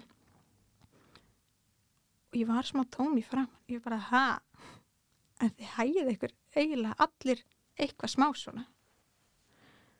Og þeir spurðu mig nú hvað meinaru og hérna, megu byggðu þeim að segja okkur frá því. Og ég minnist á atvik þar sem að hérna þar sem ég var spurð hvernig nærbyggsum ég væri að viðskiptavinni ég man ekki nákvæmlega hvernig það kom upp en þeir voru eitthvað að ræða gestrengi, tveir menn hana við afgræsluborðið mitt og ég kem að afgræsluborðinu og svona heyri út undan mér hann ég ætla bara beint í tölvuna. Bara að ég ætla ekki í þessa flækju. En þeir stoppa og spyrja, er þið fyrir ekki hvernig nærbuksum ert þú í dag? Og ég bara pú, ég man ekki sem hvort ég svaraði. Hvað var að segja? Mhm, en þegar ég minnist á þessa þetta atvik við mhm. bæði þannig minn yfir mann og forstjóran þeir koma fjöll. Ha, er komið svona fram við þetta heldur ekki að vera að gera stuttur þau mhm. og ég sagði þið hafði oft tekið þátt í ykkurum svona brandur, brandurum Vá, sagður það bara við þá? Já, og hvernig tóku þið því? sko forstjórin ég vil taka fram, hann kom svo ótrúlega vel fram úr þessu. Hann bað bara um að fá að heyra hvernig og hvað verið hægt að bæta. Mm. en minni yfirmaður sem að ég held að hafi bara hunsað allt málið satt með eitthvað svona blað og blíjant út í hotni og hann sagði ekki neitt. Mhm, fyrir hann að hérna að beðið um ástæðu eða frásögn og ég sagði það er oft eitthvað svona kallarnir sem sagt viðskiptavinir segja við sölumennina er þú að fara heim með þessari í kvöld? Eða hefur þér ekkert gengið að reyna við hana? Mhm, eða eitthvað svona. Og þá komu þeir ekki manni til varnar heldur þeir frekar, nei, ég ætla bara heim með þér, þú ert svo sætur. Og þeir vildu meina að þetta væri þú veist þeirra leið á að takast á við áreitið með húmor. Já, já. Og hugsa, jú, það er ein leið en hún hjálpa mér ekki neitt af því þeir eru aftur spurðir ætlar ekki að reyna að fara heim með þessari? Mhm, og þannig er ég átjórar og þeir eru flestir svona þrítugur upp í femtugt mhm. þú veist, en viðskipt að vinna vanlega þrítugur til færtugt Ég heiti Natalia og ég er 18 ára og ég er núna ræðvirkjanemi. Ég er búin að vera það síðan 2019. Fór strax upp úr grunnskóla í það. Ok, og af hverju ferði í, í, í það nám? Ég held bara, ég fannst þetta svona spennandi. Veist, maður langaði bara að prófa þetta og ef, mér fannst þetta ekki gaman þá ætlaði ég bara að breyta þá. Já, Það er svona, já. var eitthvað svona sem hafði áhrif á þetta? Er einhver í umgrunniðinu eða? Sko, það er alveg í fjölskyldinu minni það sem ég er ræðvirkjar og okkar þannig en já, mér langaði bara að prófa að sjá hvað hvernig mér fannst þetta Ok, og hvernig finnst þér þetta? mér finnst það bara mjög gaman sko. Er alveg, mér finnst svo gaman að vinna í höndunum og veist, vera að skapa eitthvað veist, þannig að það, mér finnst það gaman Einmitt. þú vinnur eitthvað x mikið og þarf að tekja inn í eitthvað box hvað þú ert búin að læra og eitthvað svona og mistaran sem þú ert að vinna hjá þarf svona að segja þú ert búin að prófa þetta, þetta, þetta Mhm. þú getur tekið sveinsprófið Ok, og þurftur þú sjálf að sækja þennan samning og hérna aðeinslega hvernig fór það fram? Nei, þetta er svolítið bara með fyrirtækinu sem þú ert að vinna hjá og vinnur svolítið með þeim í að ná þessum, ná þessum samning Já, já, ok. Já, þannig að þú ert sagt, í námi og líka að starfa eða hvað? Já, ég er enda bara svona um jólin og sumurinn sem ég er að vinna í þessu sko Já, já, ok. Þannig að þú hefur svona smá reynslu og einsýn. Ég meina, hvernig, hvernig upplifur þetta? Hvernig er þetta? sko þegar ég byrjaði fyrst, já mjög, já, mjög stressu sko, fyrst en ég fekk alveg mjög gott viðmátt sko, það var rosalega tilbúin að hjálpa mér og veist, rosalega mikið bara bara henda mér í djúbulauna Mhm. sem að var alveg góður einsla sko Mhm. og mér fannst það mjög mikilvægt að fá veist, að veist, hjálpa mér og íta mér og vera bara, heyrðu, gerðu þetta kalla bara á með að vanta hjálp Mhm. það var svolítið bara, það bara svolítið þannig hvernig vinnan er sko Ok. Það, mér finnst það allan að góða reynsla og ég lærði mjög mikið á því að vinna sko. Mhm. ég fæ yfirleitt meira svona lúk þegar ég fer veist, í samfélagið veist, bara út á götu og okkar þannig ef ég er að vinna þar Já. eða bara eftir vinnu Ok. það, Frekar heldur en frá samstagsmönnum? það er meira þannig sko. Ok, en hvernig er svona, veist, menningin, kultúrin hérna í þessum heimi? sko þetta er veist, þetta er, ég, maður finnur alveg stundum að það er svolítið svona kalla þetta er svona kalla svæði en ég hef yfirleitt verið ekkert ég hef aldrei fundið eitthvað verið óörug eða neitt þannig. Ég hef aldrei fundið neitt svona fordóma eða neitt frá veist, að ég sé þarna. Yfirleitt alltaf reynda að við séum bara öll vinir og hjálpum stað og okkur svona þannig. Ok, það er gaman að heyra. Já, Það er aldrei ekki allar sem að, já, ég veit að það er ekki alla sem upplega þetta. Ég, mér finnst ég vera mjög heppin veist, að lenda í þessum hóp. já, einmitt, þannig að þú tengir það við, hérna, þú ert meðvituð um að það er ákveðin svona Já. hostæl umhverfi. Sko. Ég hef alveg fundið veist, í skólanum frá öðrum veist, nemyndum, veist, sérstaklega yngri strákum sko, veist, sem eru svona aldrei með yngri en ég. Mm. Veist, og þeir hafa verið veist, að stríða mér og okkur svona og veist, eins og ef ég gerir mistök þá er ég bara, ég er bara ógesla heim sko, okkur svona, gert svona gríði við því og okkar þannig en ekkert eitthvað í vinnunni sko. en það er yfirleitt sko, já, ég held að það séu bara að þeir eru veist, ungir og þeir, veist, þeir viti ekki neitt og eru ekki búin að læra neitt og hunsa allt svona um feminism og allt þetta Þessir ungustrákar? já, Ok. þeir sem er allan það sem eru með mér í skóla sko. Já, já, já, einmitt. Ég sérst heiti Sæti Skuðni og, og er e, viðskiptafræðingur, búin að vinna í, í hugbúnaðar geranu núna í sjö árum, þar á undan í, vann ég vissulega með, með hugbúnað en, en meira hérna, verkefnastjóri. E, sko, að, að hérna, þú varst að tala um konur í kalla störfum, e, ég er meira kona í kallægum heimi. Og hvernig, hvað sé, hver er þín upplifun að þessum karlæga heimi? Ég hef, sko á þessum rúmi sjö árum sem ég hef verið starfsmæður í hugbúnar fyrirtæki, þá hef ég ekki oft lend í mörgu sem ég veit að kynsistum mín að lendi. Um, ég hef fengið þetta tjót að ég er spurð spurninga, ég svara, kallmæður sem spyr mig, horfir yfir hausin á mér á kollega minn sem er kallmæður, spyr nákvæmlega sömu spurningu ég hef fengið þetta Mm. en samt að góða er að ég held ég hafi lendi í þessu á sko aldrei undan fann tvö ár en á fimm árunum þar á undan held ég hafi lendi í þessu tvisarsinu af kollega Mm. oftar af viðskiptavinnum en það sem að ég finn líka og það sem er svo jákvætt er ekki að finn hvað fólk er mikið að vanda sig og sérstaklega kallmenn og það er svo frábært Mm. Ég vísa rosalega oft í hvað ég er heppin að vera hafa verið stelpa á Íslandi með Vigdísi Fimboðdóttur sem fósita, Jóhannu Sigurðar sem, sem hérna fósatis ráð þeirra og ekki streyt kona, eða þú veist, ekki gagkinnið. Ég er ekkit vissum að, að 17 ára dóttir mín upplifi svona fyrirmyndir jafn stert og ég gerir þá mm.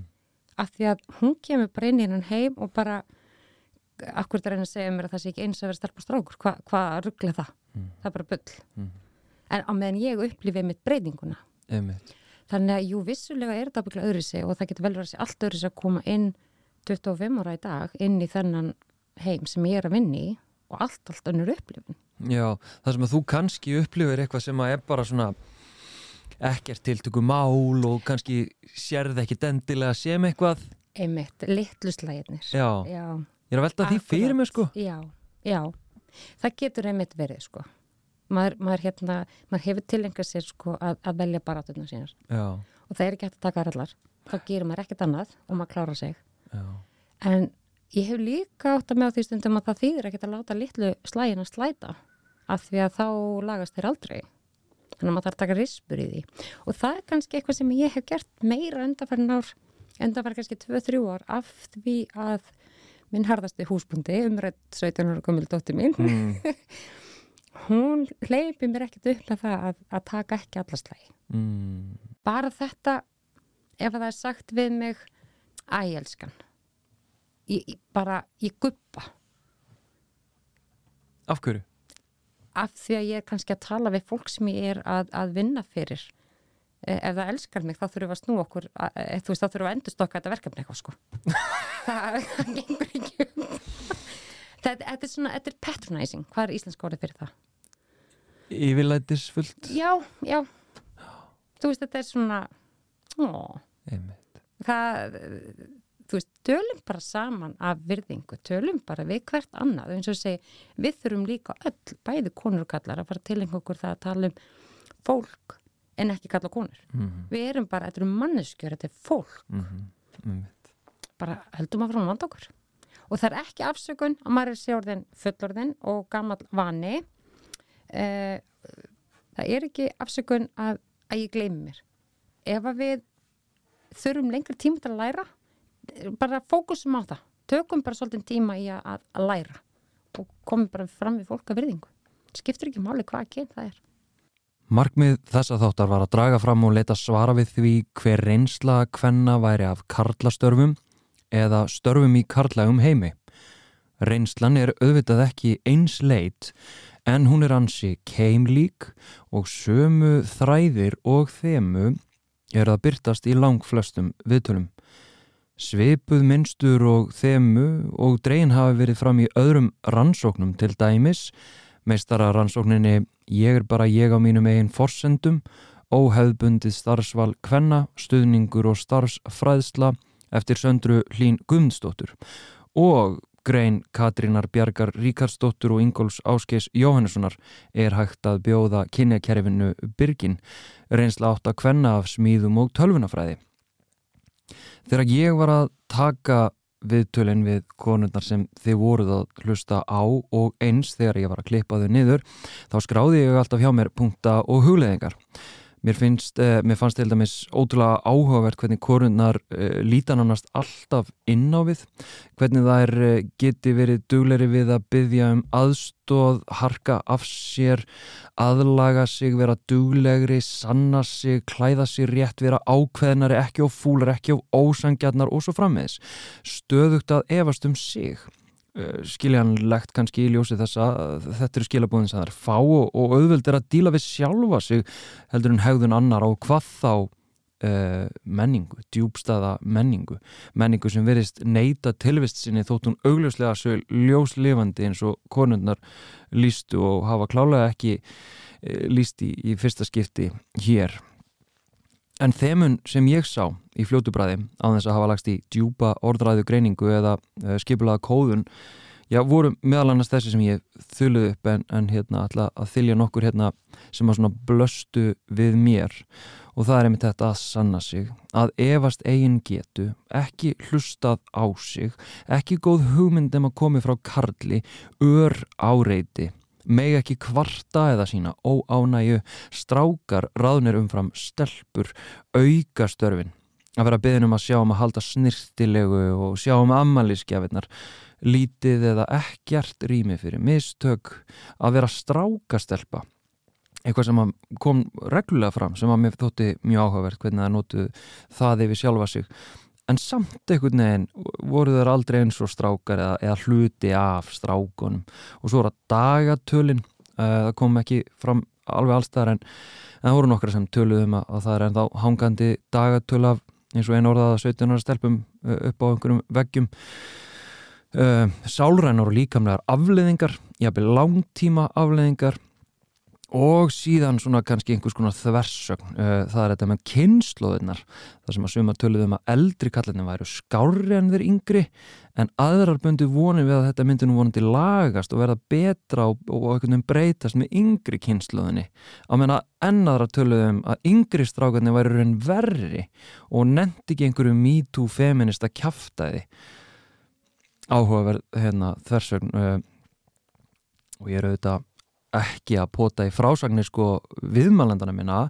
Þær voru eða bara að reyna að meika sens á einastæðum og, og segja frá sinni reynslu og reyna að finna einhverja von, vonunum breytingar. En, en ekkert breytist sjálfkvæða með nýri kynnslóð uh, ég held að það hafi nú kannski doldi svona líka verið þannig einhver þráð, þráður sko og allan að ekki svona menning og karlmennska, þetta er nefnilega, nefnilega menningarvandi.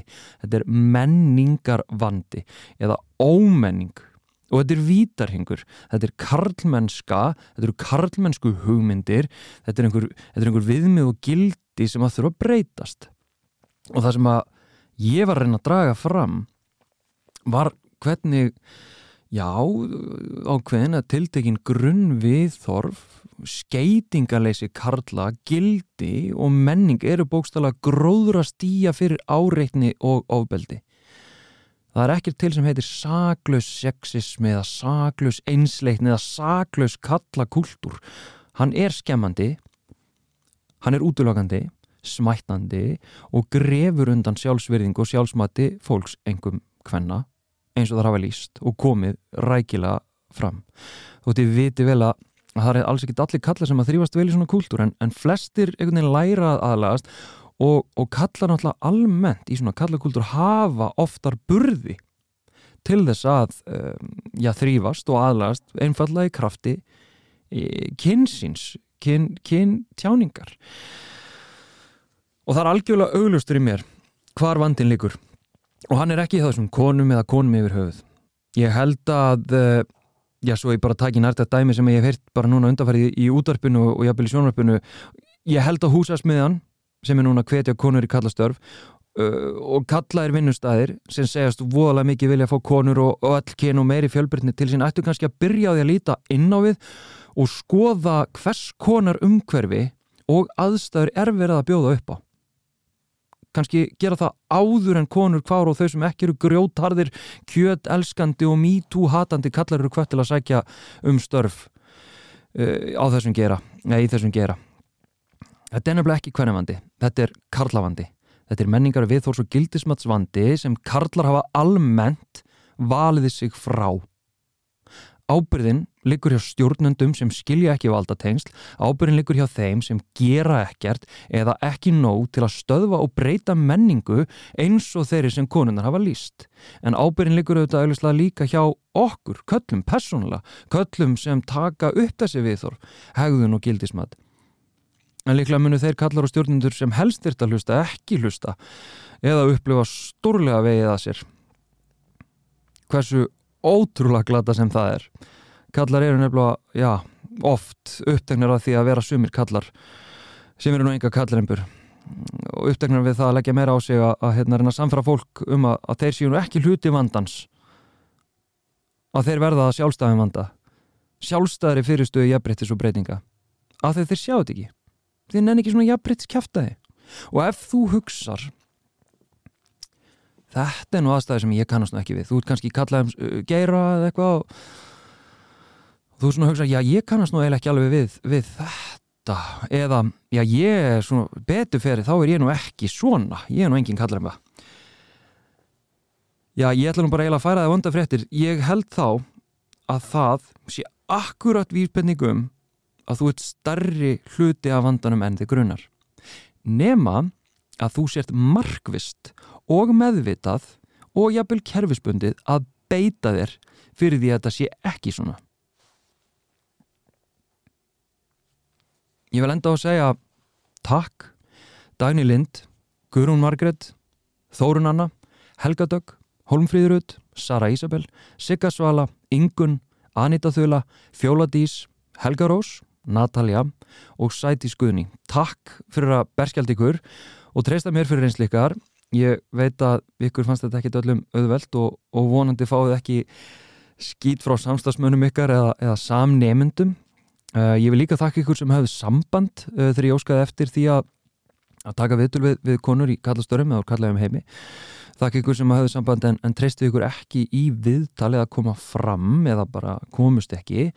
Uh, takk samt fyrir að deila með mér ykkar reynslu. Ég vona að ykkar reynsla sem að hefur nú verið miðlað og varpaljósi áverið þrýstingur á þá og þau sem að fara með völdu áhrif að raunverulega gera eitthvað til að breyta hlutunum og ég ítreka þótt ég hafi heyrst frásögnu 13 hvenna að þá heyrið ég frá tölvert fleiri konum sumum sem ætlaði að tjá sig en hættu jafnvel við vegna óta um afleiðingarnar. Vegna óta við það að ef þar bentu á vandana þá yrðu þær vandin að það geti jafnvel verið að skemma fyrir sjálfum sér einhver tækifæri. Ef að þetta lýsir ekki vandanum raun þá hreinlega veit ég ekki hvað.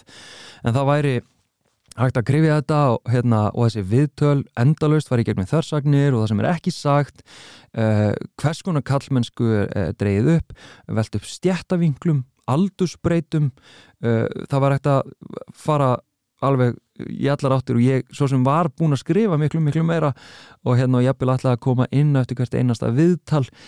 En ég hugsa að ég láti ykkur bara um að velta þessu fyrir ykkur og vonandi ræða þetta á þeim stöðum sem að það þarf að gera. Segjum þetta gott í byli, takk fyrir að hlusta